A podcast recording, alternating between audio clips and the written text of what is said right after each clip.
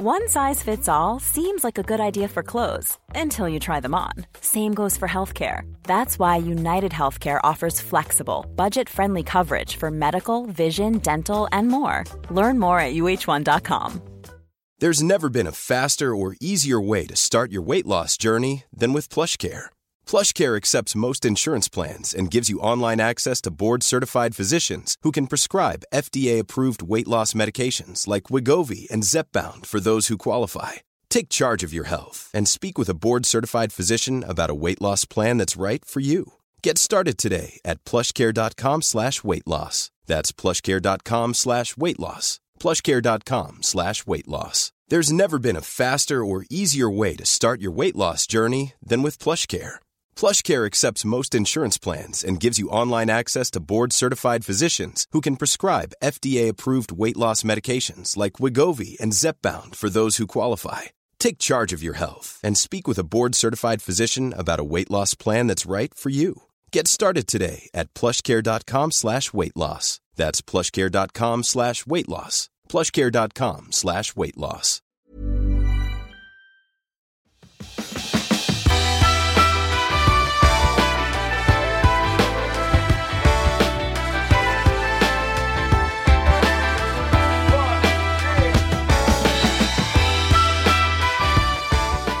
Hej och varmt välkommen till Klimakteriepodden med mig, Åsa Melin. Hur eh, har du det? Jag är inte den enda som känner att det finns lite att återställa, förändra och ta tag i efter en del sommarexcesser, eller? Jag är faktiskt väldigt nöjd med hur jag har rört på mig i sommar och jag har också lyckats få till det här med yoga. För oj vad snabbt jag känner att jag stelnar till om jag inte sträcker ut ordentligt mellan löpning och vandring. Och för mig handlar det nu om att jag måste ta tag i den här styrketräningen på riktigt. Inte bara någon sporadisk punktinsats då och då så har jag varit lite väl frikostig mot mig själv med glass och vin och det känns runt magen, vilket jag inte trivs med.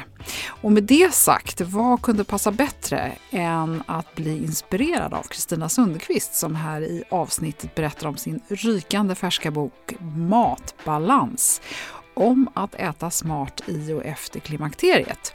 Det handlar mycket om eh, kostval, men mer än så, för det handlar också om vanor. Och redan när Kristina skrev sin första bok Harmony, må bra i och efter klimakteriet, så fanns planen på att djupdyka ytterligare i just det här med näring och kost. Och nu är den här.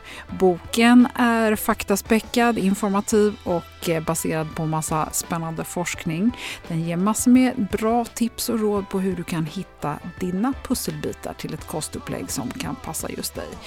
Och framförallt att bättre kunna möta de förändringar som sker under övergångsåldern. Och det finns också ett helt avsnitt i boken som handlar om just det här med viktförändringar och viktbalans. För hur ska man förstå en kropp som man inte riktigt längre känner igen? Så välkommen att lyssna.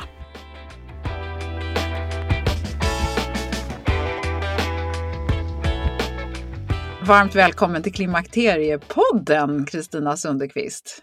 Ja, men tack, vad kul att vara här. Ja, hela tiden är du här på något sätt. Ja, nu, men... har ju, nu har ju flera vant sig vid att höra dig som intervjuare och det är ju superroligt att vi har hittat till varandra som kollegor. Och du kommer ju under hösten här att göra ungefär ett avsnitt per månad. Och det är verkligen roligt och inspirerande för mig också med lite nya infallsvinklar och tankar. Och Eh, nu i det här avsnittet så är du gäst för att vi ska tala om din nya bok som precis kommer ut här i dagarna. Och du kan ju verkligen tala med stor auktoritet när det gäller hälsa och kvinna 50 plus är du själv och dessutom väl införstådd med klimakteriet. Och så har du ju skrivit den här första boken som heter Harmony som kom ut för ett par år sedan. Och nu följer du upp det här med matbalans. Och det som är kul med dig är ju att det är inte bara så att du har fått för dig att skriva lite böcker om klimakteriet, utan du är ju certifierad både inom funktionsmedicin och kost och hälsocoach och så är du ju licensierad personlig tränare. Och så nu då eh, liksom författare och i botten så är du konsult och håller på med ekonomi. Så det, du har ju lite strängar på lyran. Ja, jo, men jag har ju hunnit med en del genom åren här, absolut. Ja. Det är ju roligt, absolut. Ja, och hur kommer det sig att du skriver eh, böcker då? Jo, men det var ju, den första boken kom ju till utifrån mitt eget intresse av klimakteriet, att jag eh, inte förstod riktigt vad som hände med min egna kropp. Och jag, jag funderade faktiskt lite på det här om dagen att det här är ju alltså ungefär åtta år sedan. Och det var då jag stod där jag tror att många kvinnor faktiskt kan stå idag när man plötsligt drabbas då som man säger. Att jag började söka information och eh, jag hittade ju ingenting. Och nu när man då tittar här åtta år senare så finns det ju ganska mycket information så det har ju blivit en otrolig utveckling eh, sedan dess. För då vet jag att jag letade och då fanns det några läroböcker och nu har det ju kommit en hel del väldigt, väldigt bra böcker. Så nu finns det ju mycket, mycket mer information. Men för mig så, så blev ju det här att det blev den första boken, det var ju att jag själv är så nyfiken och vill förstå varför man mår som man mår och då började jag skriva och all den här texten som jag satt och skrev till mig själv insåg jag ganska snabbt skulle kunna bli en bok. Så det var så jag, så jag satt ju och skrev ganska många år innan det sen blev någonting. Och sen delade jag med mig, jag hade en, en blogg ett tag och, och försökte liksom. Och så föreläste jag lite grann. Så att på den vägen var det. Sen har jag alltid gillat att skriva så att eh, det kändes inte konstigt för mig att liksom skriva en bok. Nej, men vad är ju det här matbalans? Den heter ju då med undertiteln Ät smart i och efter klimakteriet. Vad är det för slags bok då? För det första är det ju en fördjupning av den första boken. Den första jag skrev den, den är ju övergripande och tar upp flera olika områden då som mycket tips och råd som då kopplas till klimakteriet, till hormoner, till hälsa, kvinna i den här livsfasen. Och det här är ju då en fördjupning. Det är en utav, jag, jag pratar ju om, om, om kost i den boken också och här har jag fördjupat mig. Så nu pratar jag ju mycket mer, jag tar med lite mer forskning. Jag har med en hel del eh, så kallade faktarutor så att jag försöker då mixa den här forskningen, fakta med konkreta tips och råd. Jag har ju med klimakteriet men jag har också med det naturliga åldrandet och så försöker jag tänka då utifrån vad händer i kvinnokroppen? Så jag vill ju på något sätt också bjuda läsaren på lite de här bakomliggande faktorerna. Där kommer ju min funktionsmedicin in också, att man ska förstå lite mer om vad som händer i kroppen och utifrån det tänka och fatta vad kan jag göra med kosten? Eller hur påverkar kosten att jag mår som jag mår? Det är en faktadel först och sen så har jag faktiskt också en hel, ehm, ett helt kapitel där jag har fördjupat mig lite extra just i vikten och eh, viktförändringar. Så att, för det är också någonting som många kvinnor efterfrågar. Ja, och det ser vi ju också. Så fort vi pratar om Viktig Klimakteriepodden så är de uppskattade, väldigt uppskattade de här avsnitten. Och just de här 230 och 234 med, som du har gjort med coachen tipsar handlar ju just om vikt, ämnesomsättning och även ätbeteende. Så de tycker jag man ska lyssna på. Även det här som jag tycker är spännande som du har gjort med Eva Mörk, både 213 och eh, 221. Det är ju väldigt mycket. Så man ser ju att du har ett genuint intresse för det här och jag tänker också att många av dina klienter som eh, du har tagit hand om som PT, då är, du har ju berättat för mig hur, liksom, hur många kommer så här, ja det är vikten som är viktigt. Man struntar liksom lite grann i det här bakomliggande. Att det, är, det är inte så mycket hälsan kanske många gånger utan det är mer en utfixerande, eh, utfixering. Kan jag tänka, tänker jag rätt där? Ja, absolut. Och, och, det, och det vill jag ju såklart försöka förklara så gott jag kan. Men det är ju också väldigt, väldigt komplext eftersom vi är så olika och har, kommer från, vi har ju liksom ett bagage med oss när vi kommer upp i den här åldern med vår kropp.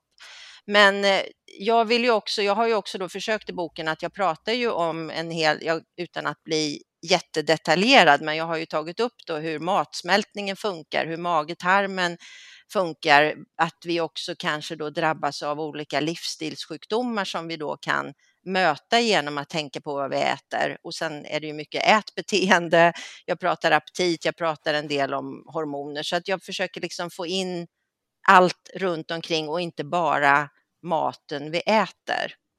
Vi ska prata om lite konkreta tips, men innan vi kommer in i det, eh, för vi ska få lite så om faktiskt vad man gör och vad som händer eh, tydligt. Men först så måste jag bara fråga om nu när det, precis som du sa själv, har hänt mycket mer kring klimakteriet och, och sådär. Behövs det verkligen mer kunskap nu? Jag menar, behövs det fler böcker? Behövs det fler poddar? Behövs det fler avsnitt och, och så vidare? Både ja och nej. Det finns otroligt, som jag sa inledningsvis, det finns jättemycket bra böcker nu, absolut.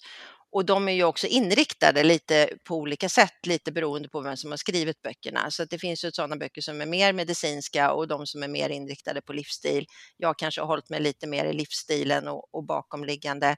Men sen ska vi ju inte heller glömma bort att där vi är idag, där kommer vi kanske inte vara om två år eller om ett år. Det händer ju mycket. Och med tanke på att vi också har börjat prata mer om det så kom, börjar ju kvinnor nu ställa lite mer krav på och kanske frågar saker mer, blir mer intresserade av sin hälsa, vilket är jättebra.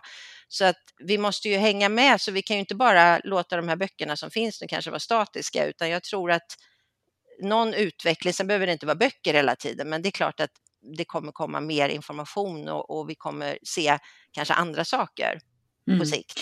Från min horisont och mitt eget perspektiv så handlar det ju oändligt mycket mer om livsstil än hormoner. Och delvis beror det ju på att jag är förbi den stormiga förklimakteriet och jag har passerat menopaus, att jag har ju liksom en, en annan utmaning och det är ju att möta mitt åldrande och konsekvenserna av ett östrogen som ligger på en konstant mycket lägre nivå. Och det i sin tur handlar ju oändligt mycket om eh, liksom den här, eh, hur sköter jag mig så att sömnen ska funka? Hur sköter jag mig för att eh, jag ska hålla viktbalans? Hur sköter jag mig för att jag inte ska ont i kroppen? Och så vidare och så vidare. Och, då, och då är det ju så fascinerande tycker jag hur, hur ändå sårbar jag upplever att jag är. Förstår du vad jag menar? Mm. Att det liksom så här, förut så känns det som att man kunde göra precis vad som helst, hur som helst. Men nu kan plötsligt båten som man tror ska ligga så här stilla och skönt nu är inte stilla och skönt. Alltså det är fantastiskt ändå att även om den förklimakteriet beskrivs som det stormigaste så är det faktiskt ofta det kommer in små stormar ändå upplever jag. Förstår du vad jag menar? Ja, men och jag är ju i samma fas. Jag är ju också passé höll jag på att säga. Jag har ju också passerat menopaus. Så nej men absolut, jag tycker att det kommer nya saker hela tiden och det är det som också gör det fascinerar ju mig väldigt mycket för jag, jag fortsätter ju söka. Jag kommer, ju, jag kommer antagligen skriva, eller jag kommer skriva flera böcker, det tror jag, för att jag tycker ju det här är så spännande och att bara följa mig själv och min egen hälsa och det som du säger, det här med livsstilen är ju, det är ju det man får titta på nu. Det är ju mm och lyssna på kroppen. Ja, men vad händer nu? Jag tycker det händer saker hela tiden. Jaha, nu blev jag mer känslig för det och nu blev jag känsligare för stress som är någonting som jag har upplevt nu som har kommit mer nu än vad det gjorde när jag kanske var mitt uppe i det. Så att det händer ju saker så att vi, vi måste ju hänga med här, absolut. Och sen har vi ju vårt naturliga åldrande och det tycker jag ju är superviktigt att eh, få fram och det trycker jag ju på hela tiden att vi får ju inte glömma. Det handlar inte bara om klimakteriet i sig utan det hänger ju ihop allt det här och det naturliga åldrandet. Det, det kommer ju fortsätta. Ja, för det blir ju lite så här, eh, på något sätt så, så här, åldrandet det går så här, i en ganska jämn kurva men sen så för oss i klimakteriet så blir kurvan lite skarpare på något sätt och det är väl det som är, är lite frustrerande kan jag eh, tänka, både för egen skull och för många andra. Man har liksom man kom undan med det förr och det gör man liksom inte riktigt på, på samma sätt längre. Men du, Nej. berätta vad, vad grunden till eh, boken Matbalans handlar om och varför det skulle vara annorlunda just i klimakteriet och fundera på matbalans. Ja, men det är ju lite det som vi, som, som jag har, har sagt här innan, att att hitta, just det här matbalans, det här ordet matbalans, det är ju det är inget som jag har hittat på utan det finns en tanke bakom det också att mat handlar ju om så mycket mer än bara mat i sig, att vi äter mat, utan vi måste ju hitta, vi brukar prata om hormonell balans, vi pratar om eh, att balansera de här olika näringsämnena vi äter. Det är så mycket i balansen, hur vi äter och hur vi tänker och det är det här jag vill täcka in ännu mer och just det som vi sa nu, att det händer nya saker hela tiden. Så vad jag vill få fram här, det är också att försöka att vi ska hitta vår egen balans kopplat till maten. Förstår du vad jag menar? Jag, jag, ja, för det var så roligt. Jag gjorde en liten sån här mini-undersökning på eh, Klimakteriepoddens eh, Facebook och då var det så där så kunde man svara på lite olika frågor. Eh, och då vad vill man höra mer om? Och Mm. då ämnet hormonell balans kom ju väldigt högt i det här och då tänker jag så här balans.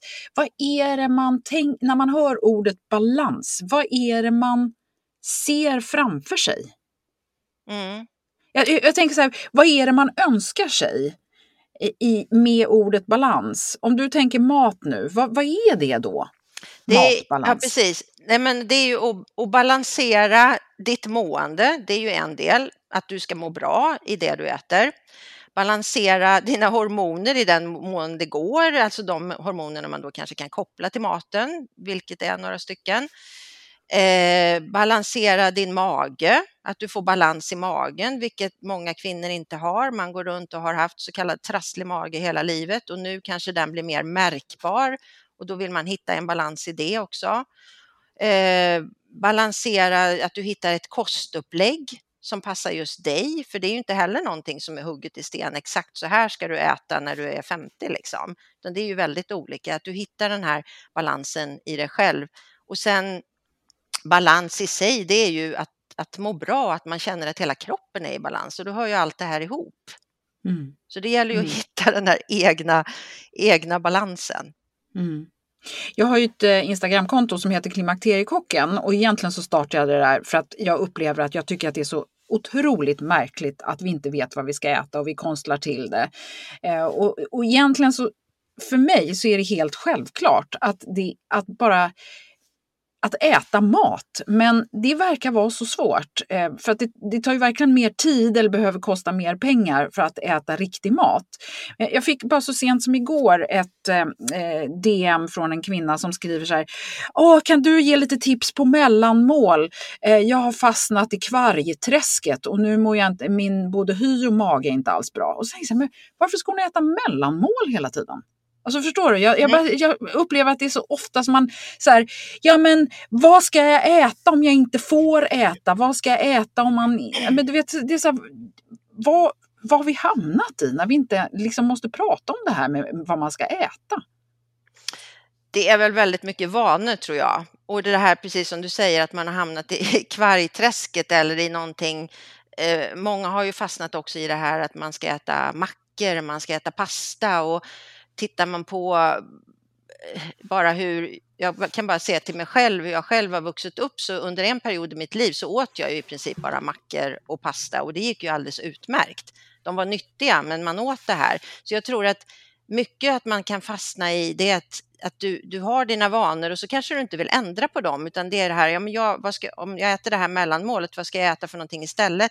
Istället för att då kanske lyfta tanken och tänka, men behöver jag ha mellanmål? Ska jag hitta något annat sätt eller hitta några andra maträtter? Jag tror att många försöker hitta, eller att man fastnar i det här vaneträsket och så vill du hitta någon ersättning som är ungefär som en macka eller ungefär som det här mellanmålet du redan äter, men du ska hitta något nyttigare alternativ istället för att kanske testa någonting nytt.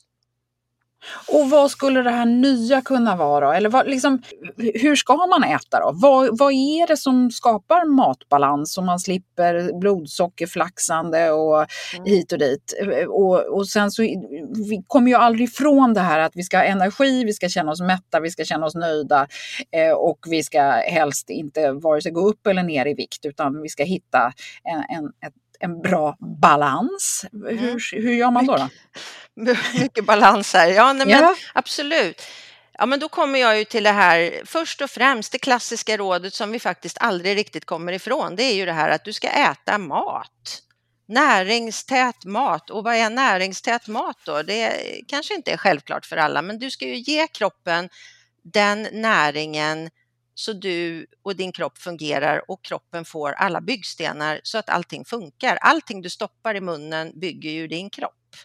Det är ju liksom basen i alltihop, att du får den näringen så att du får dina byggstenar, du får din energi och du får det som då också bygger hormoner och signalsubstanser som då kanske blir extra viktigt när vi kommer i den här åldern. Och då ska vi ju låta bli de här halvfabrikaten som då är antagligen Eh, det är processat och det är väldigt mycket socker som vi inte riktigt känner till och då får vi de här blodsocker och insulinkurvorna och dipparna som inte är speciellt bra för oss. Och sen så mm, brukar jag ju också tänka på, jag har ju en sån här metod som jag själv använder som jag också har delat med mig av både i, i, även i min första bok som jag kallar för Handen på tallriken. Och det är ett sätt att tänka för att många kvinnor eller många frågar ja, men hur mycket ska jag äta då utav protein och kolhydrater och hur ska jag få ihop det här? Och, så, och vad är ens protein och kolhydrater? Ja men precis, det är, ja exakt. Protein är ju, ska jag ta den?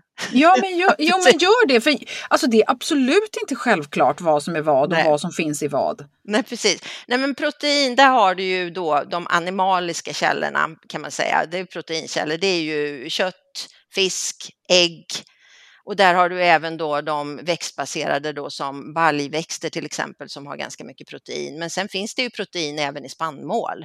Men de, om man pratar proteinkällor, de riktigt, riktigt re, mer rena, då är det ju mycket animalier egentligen. Så att, och sen har du ju proteiner i mjölkprodukter, typ precis, yoghurt, men, ost och så vidare. Ja, exakt, det som är kopplat till djur då mer kan man säga. Mm. Kolhydrater, där har du ju då mer spannmål, du har grönsaker, om man tittar på det. Och där har du också väldigt mycket fibrer.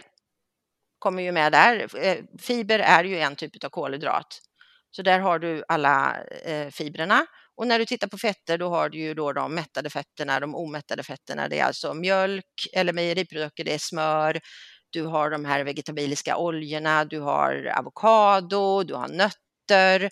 Nötter innehåller ju också både protein och kolhydrater så att allting finns ju i i flera livsmedel men kanske har en mer eh, mängd då på de här olika delarna som jag, eller livsmedlen som jag tog som exempel här nu. Ja, och, och ska man nu liksom på något sätt förenkla det här så är det bara så här, men ät det som, liksom, har man en köttbit eller en fisk eller en fågel eller whatever på tallriken och sen kombinera det med ett gäng ja. olika eh, sorters grönsaker som är olika färger så har man ju kommit extremt långt bara där, eller hur? Ja, men precis, och det är där jag har min den här tallriksmodellen som jag försöker då visualisera lite, att jag brukar säga att låt din proteinkälla vara ungefär som din handflata. Och sen kan du låta kolhydratkällan vara som en liten knytnäve och fettkällan då vara ungefär som din tumme. Då får du en bra liksom, mix av de här sakerna.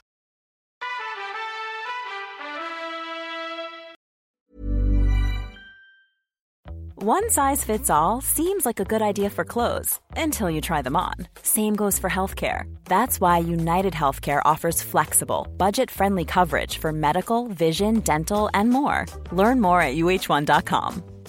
Many of us have those stubborn pounds that seem impossible to lose, no matter how good we eat or how hard we work out. My solution is PlushCare.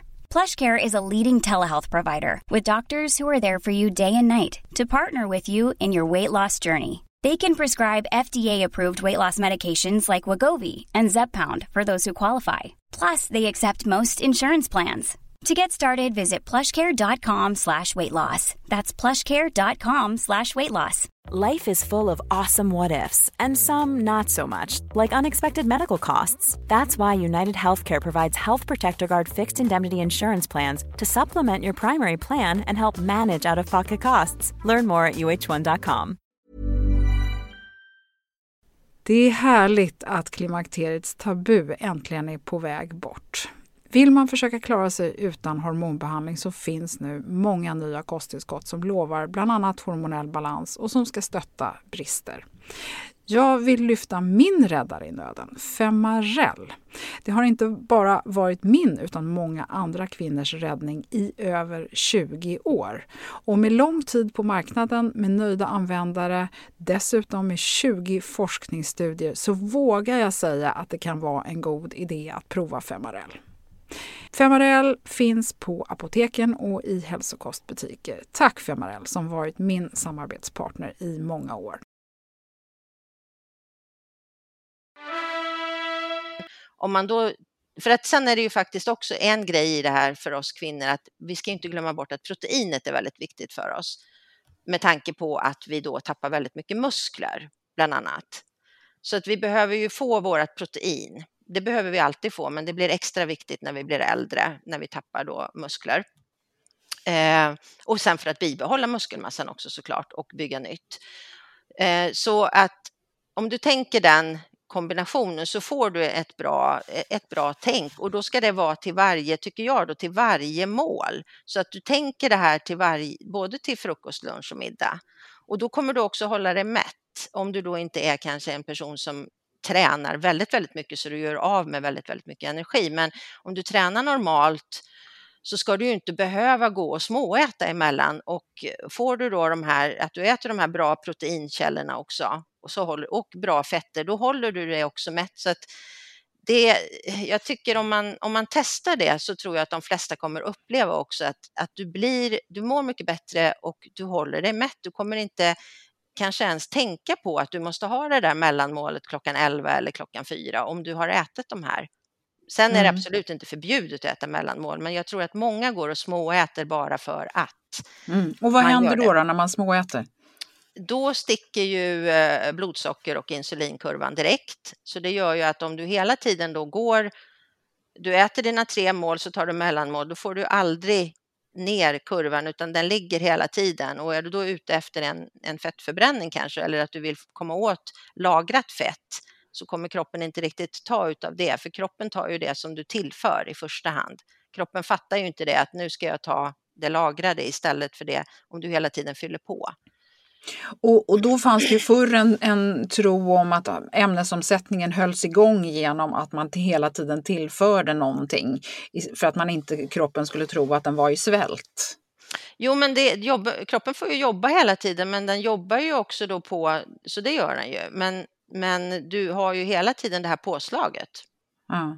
Men du, jag tänker en annan sak som jag tycker är intressant här. Det är ju om du fokusera på att du ska äta de här tre måltiderna om dagen och inte hålla på och småäta emellan så får man ju en ytterligare en fördel, tänker jag i alla fall, det är ju att magen får en chans att smälta maten i lugn och ro och sen får den passera som den ska och sen så får den ta hand om det och innan nästa kommer, innan nästa kommer. Jag tror att många, inklusive jag själv, känner igen det här framförallt när man har ätit sent på kvällen. Vilken enorm belastning det är för kroppen att ligga och, och hålla på och försöka förbränna samtidigt som man ska försöka sova. Det är, förutom att man kanske då gärna får eh, extra mycket nattsvettningar och kanske vallningar på köpet så blir det ju liksom på något sätt nästan omöjligt att sova ju.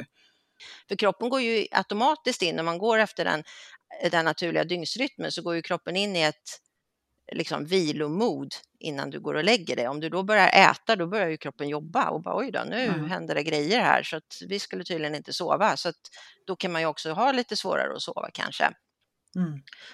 Eh, och sen, eh, så att jag tycker också där att försöka håll, vi brukar prata om ätfönster ibland och det finns det här med 16-8, det finns 5-2, det finns, finns allt möjligt, men att börja i varje fall och låt kroppen vila i 12 timmar är ju någonting som man brukar återkomma till hela tiden.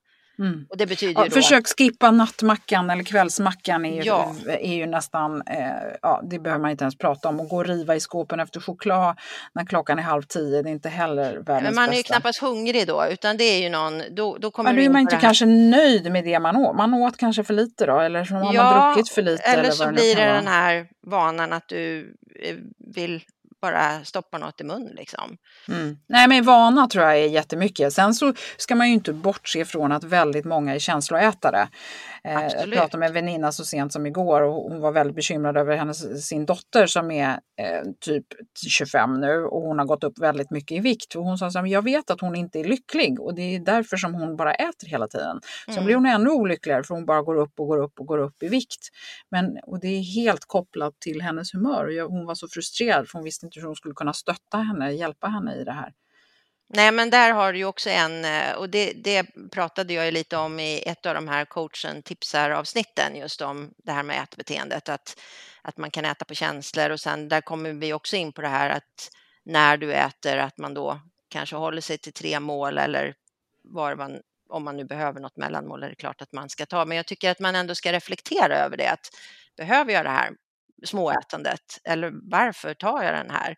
Och sen att man äter i lugn och ro är ju också en grej som är viktig så man inte stressar i sig maten för att då, då får du ju, du äter ju ofta för mycket för att kroppen behöver ju typ en 20 minuter innan de här mättnadshormonerna sätter in. Eh, så det är ju lätt, det tror jag de flesta har varit med om, att man slänger i sig maten och så tar man en portion till för man tyckte det var så gott och sen blir man jättemätt efter en halvtimme. Mm.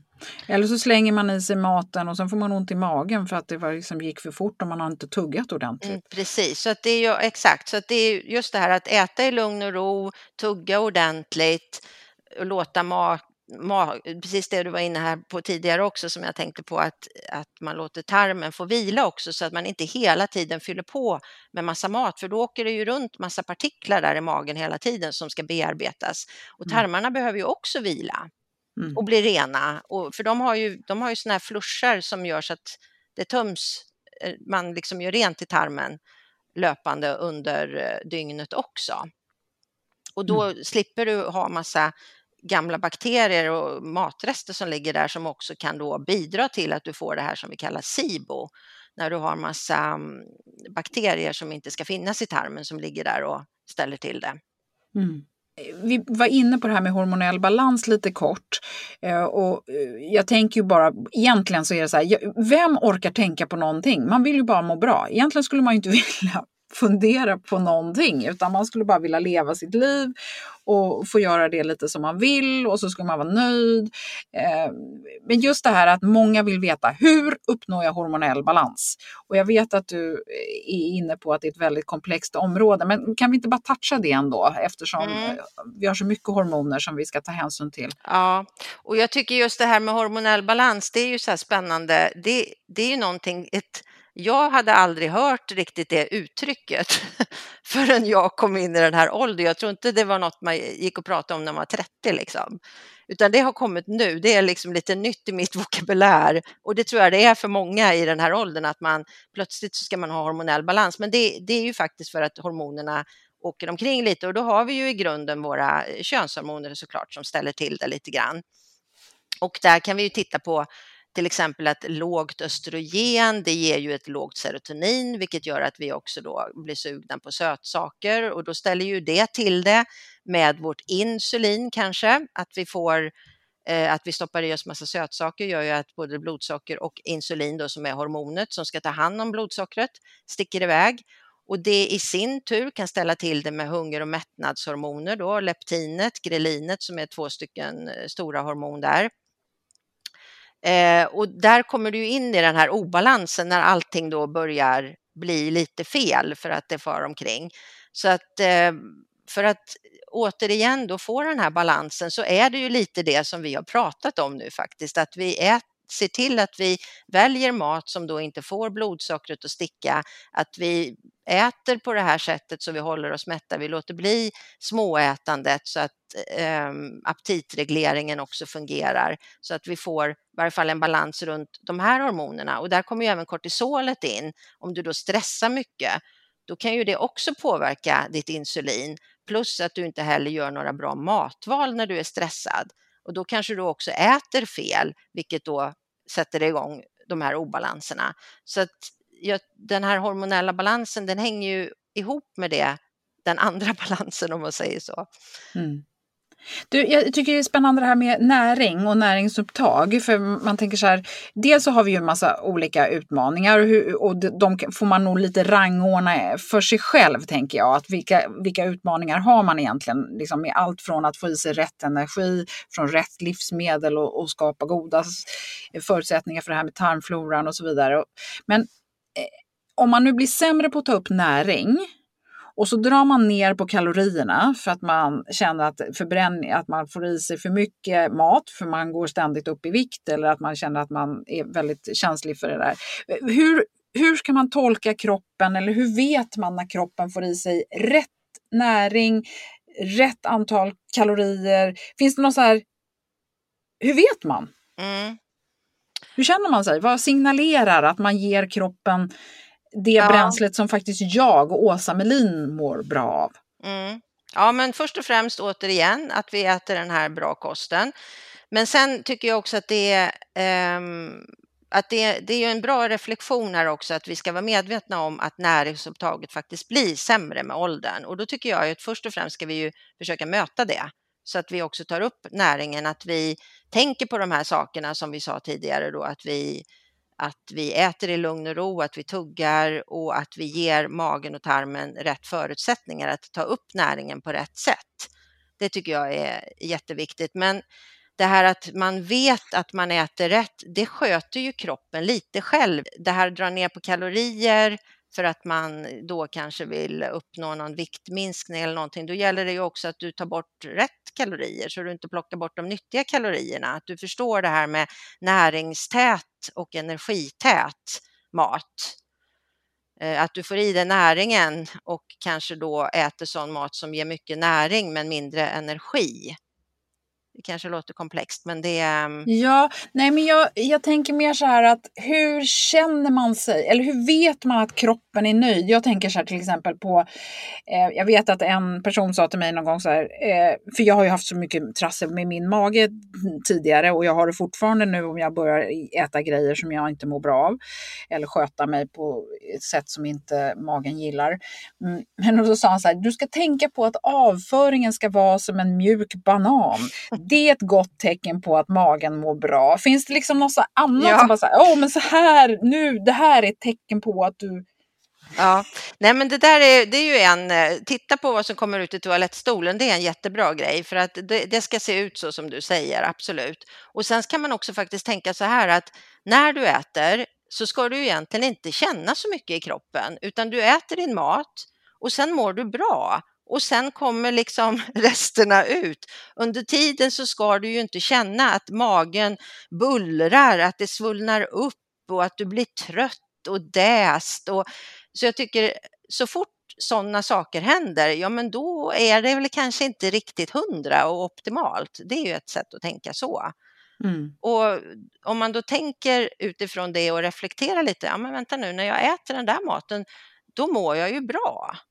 Och det är väl den känslan, men när du äter något annat, om du då en halvtimme senare sitter med en gravidmage på, så du ser ut som du är gravid i sjunde månaden, som man kan uppleva ibland, då har du ju ätit någonting som inte är bra. Men mm. sen tänkte jag på eh, någonting som jag ändå kan tycka är bra att man gör. Jag, det är ju att det är inte fel ändå att gå och göra de här, göra en liten kontroll ibland på och titta på vad man har för värden. Det finns ju det är ganska lätt att gå till de här olika labbföretagen idag så kan du ju själv göra en sån här blodtest och så får du ju utskrivet ett jättefint protokoll på hur det ser ut. Bara för att få någon indikation kanske på hur det ser ut.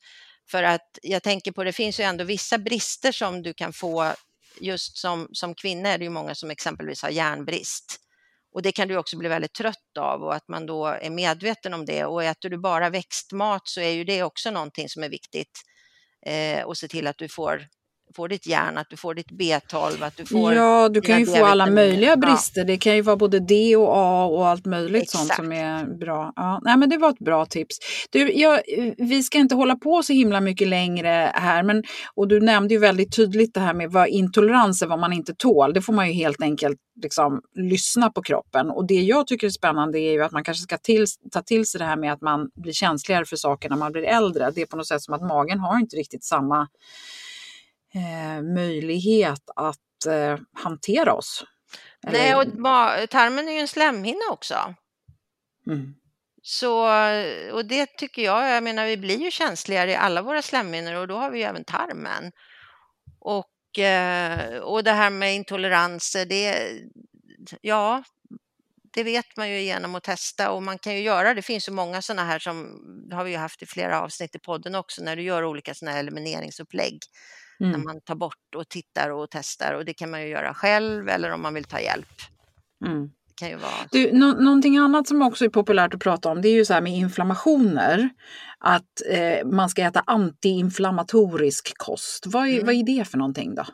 Ja, det jag har också jag har sett att oftast när man pratar om antiinflammatorisk kost så, så sätter man ofta likhetstecken just med det här vi kallar medelhavskost faktiskt.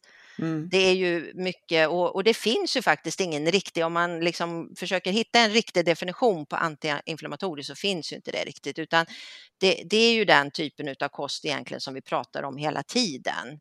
Men sen att det låter, det låter lite flashigare kanske när man säger antiinflammatoriskt. Men ren mat och sen att man undviker, jag brukar tänka mig så här att du, att du, ät, att du undviker mat som då kanske kan driva inflammationer. Och vad är det för mat då? Och det är ju exempelvis så har vi ju gluten känner de flesta till och det behöver inte bara vara gluten, det kan ju även vara andra eh, spannmålsproteiner då, så som kan ställa till det i magen. Men det är ju ändå någonting som kan driva de här inflammationerna. Mejeriprodukter är en annan sak. Eh, den här, ehm, vi brukar också prata om att man ska ha en bra fördelning mellan omega-3 och omega-6. Det är också någonting som kan driva inflammationer. Och sen, så, sen är det ju också om du då eh, har intoleranser för någonting så kan ju även sådana intoleranser leda till att du får inflammationer. Men om man tänker rent kostmässigt så, så är ju den här det som man då kallar medelhavskost eller låg eh, kolhydratkost brukar vi väl också ha med och även paleokosten är ju sådana som ändå täcker in eller tar lite mer bort de här eh, livsmedlen då som kanske kan driva inflammationer. Mm. Och det Men, kan vara inflammationer som gör att man får ont i lederna, man kan få ja. ont i, i, ja, man kan få hudutslag, man kan få alla möjliga olika saker som vare sig syns eller känns. Men du, jag tänker på en sak som är jätte, man pratar ju mycket om så här som är just chili, ingefära, ja. gurkmeja. Eh, alltså, det är ju några sådana här som man pratar om att de är sådana här super antioxidanter mm. och de är super eh, antiinflammatoriska och sånt där. Och det kan man väl fundera fundera på om man kan lägga till lite grann som kryddor.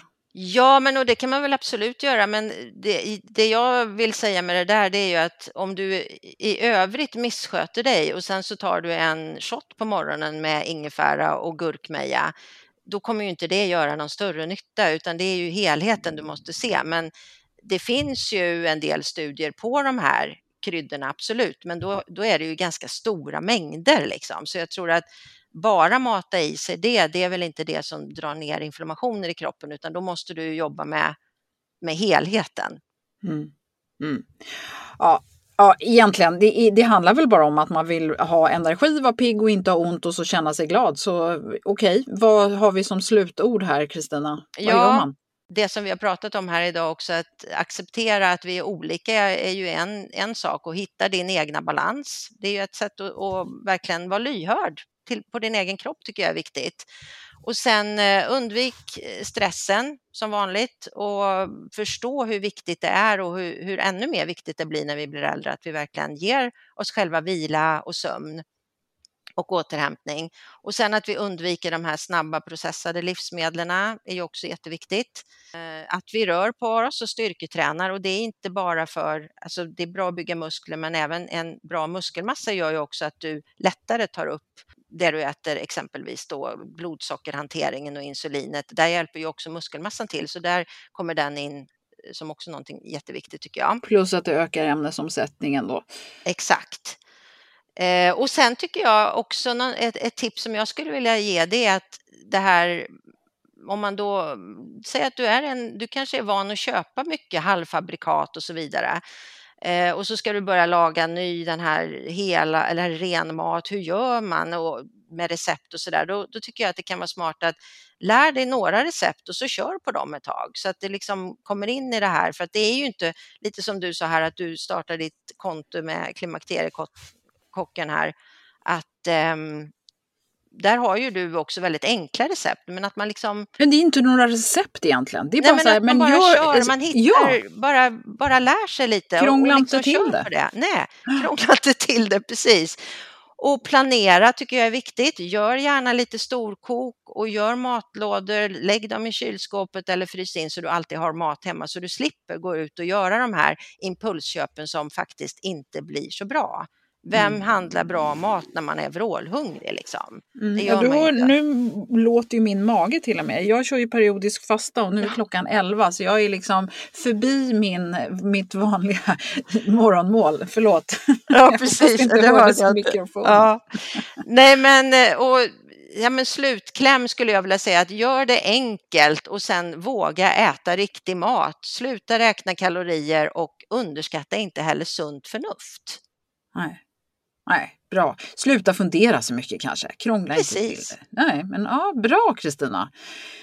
Ja, men det är alltid spännande. Jag måste bara lägga till här också att jag tycker att det som är väldigt inspirerande med, med din bok är att den är så vackert eh, illustrerad och det är väldigt mycket mm, fina tips också på slutet med, med just det här krångla inte till det. Vad kan man äta och ändå som så att säga blir aptitligt? Att det liksom blir något så här härligt. Åh, det här verkligen känner jag. Det här kan bli gott. Det här, det lockar mig att göra. Så det tycker jag är, är väldigt peppande. Vi lägger naturligtvis en länk till boken som man kan titta på den. Och eh, avsnitten som sagt 230 och 234, coachen tipsar med Kristina, är ju jättebra om man vill eh, lyssna mer om det här med vikt och ämnesomsättning. Och eh, eh du har ju också gjort några spännande avsnitt här med Eva Mörk 213 och 221 som handlar mycket om det här med insulinet och insulinresistent, om det var någon som inte riktigt hängde med på det snacket nu. Och eh, vi har också haft eh, Kerstin Brismar med som pratar mycket om eh, det här med vikten av metabolhälsa. Så det kan man också kolla på och då kan man gå till klimakteriepodden.se och bläddra och läsa bland avsnitten där. Vad bra Kristina! Ja. Fick vi med det mesta nu eller? Eh, ja, det tycker jag absolut att vi Ja. fick. Man kan också, om man vill, så kan man köpa boken direkt ifrån mig så får Ja. man ett signerat ex. Ja, bara en sån sak. Hur kommer man eh, i kontakt med dig då? Då kan man gå in på min, eh, mitt Instagram som heter Kristina Sunderqvist eller på min hemsida som också heter Kristina Sunderqvist. Ja, och vi lägger på- en länk till det också Ja. såklart. Bra, vad fint! Tusen tack för att du kom till, till Klimakteriepodden och min garderob idag. Ja, men tack själv. Tack, jättekul att vara med och få um, tipsa lite tycker jag. Ja, och välkommen snart tillbaka med nya spännande intervjuer.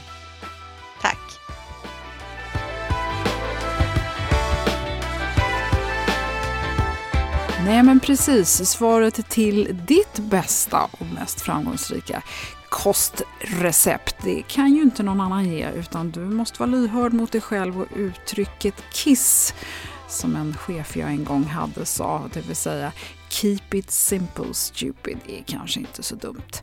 För eh, många kvinnor har gått vilse i det här med tankar om sig själva och hur man vill och borde bete sig, se ut och äta. Man kan göra jättemycket med kosten, det vet vi. Och för att hitta just de här pusselbitarna som passar dig och nycklarna så underlättar det om man har en bättre förståelse för hur kroppen fungerar.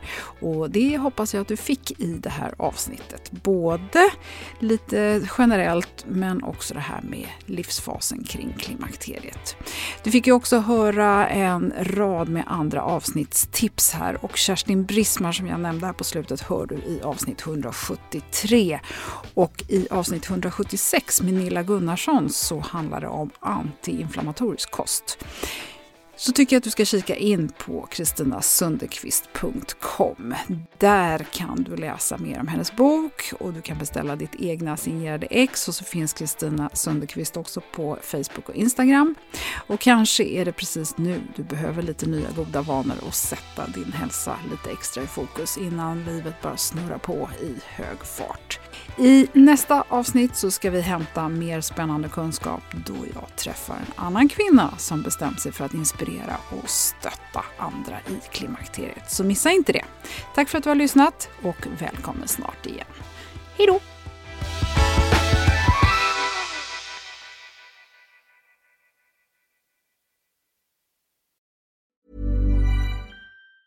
Have catch yourself eating the same flavorless dinner three days in a row? Dreaming of something better? Well, HelloFresh is your guilt-free dream come true, baby. It's me, Kiki Palmer. Let's wake up those taste buds with hot, juicy pecan-crusted chicken or garlic butter shrimp scampi. Mm. Hello Fresh. Stop dreaming of all the delicious possibilities and dig in at HelloFresh.com. Let's get this dinner party started. Even when we're on a budget, we still deserve nice things. Quince is a place to scoop up stunning high-end goods for 50 to 80% less than similar brands.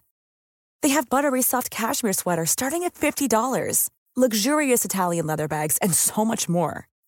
Plus, Quince only works with factories that use safe, ethical, and responsible manufacturing. Get the high-end goods you'll love without the high price tag with Quince. Go to quince.com/style for free shipping and 365-day returns. Imagine the softest sheets you've ever felt. Now imagine them getting even softer over time. That's what you'll feel with Bowl and Branch's organic cotton sheets. In a recent customer survey, 96% replied that Bowl and Branch sheets get softer with every wash. Start getting your best night's sleep in these sheets that get softer and softer for years to come. Try their sheets with a 30-night guarantee. Plus, get 15% off your first order at bowlandbranch.com. Code BUTTERY. Exclusions apply. See site for details.